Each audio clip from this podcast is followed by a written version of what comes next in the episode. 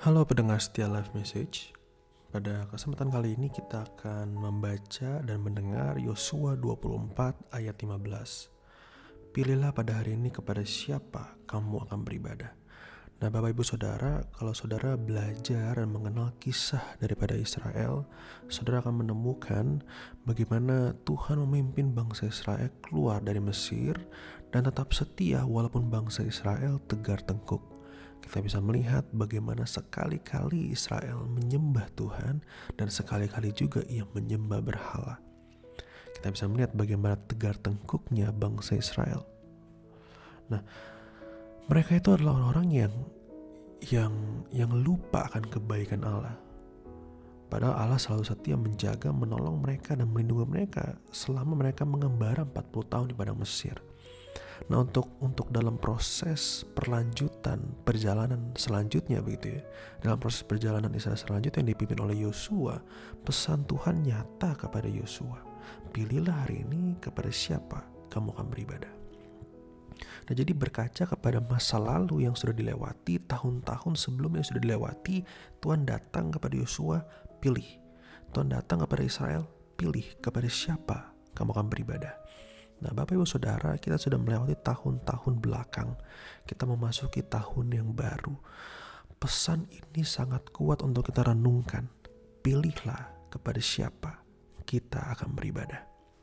Memang pada tahun-tahun sebelumnya kita mungkin sudah beribadah dengan baik, tetapi adakah hal-hal yang terselubung yang ternyata itu bukan untuk Tuhan?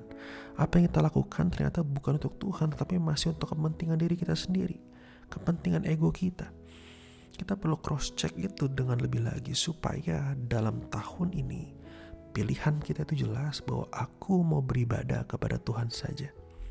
Aku tidak mau beribadah kepada egoku atau daging ini. Aku mau beribadah kepada Tuhan saja. Kenapa pilihan ini penting untuk kita tentukan di awal tahun ini?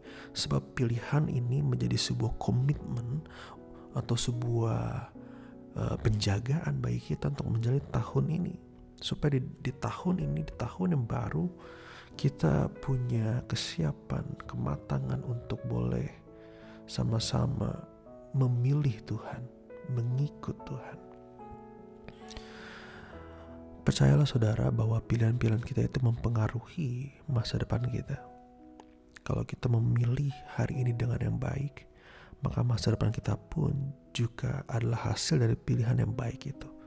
Tapi jika pilihan bahkan yang paling kecil pun itu ter, termasuk dalam pilihan yang buruk, maka bisa saja me, mendampaki kehidupan kita di masa yang akan datang. Nah, tidak ada hal yang lebih pasti daripada kehidupan di dalam Tuhan. Artinya apa? Kepastian bahwa Tuhan menyertai hidup kita. Nah pilihan, komitmen itu harus datang dari kehendak kita sendiri. Walaupun Tuhan pasti menuntun, Tuhan pasti memberi kita kesempatan, tetapi kehendak dan pilihan harus kita putuskan. Kita harus memutuskan bahwa tahun ini kita harus lebih lagi untuk Tuhan. Kita harus lebih lagi untuk mengasihi keluarga, mengasihi pasangan, mengasihi sesama, menjadi dampak berkat bagi sesama kita. Pilihan-pilihan inilah hasil dari keputusan kita. Dan Tuhan memang akan memberi kesempatan-kesempatan yang ada nanti untuk kita bisa mengambil keputusan itu.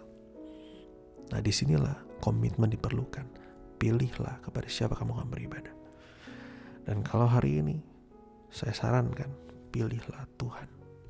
Pilihlah kepentingan Tuhan.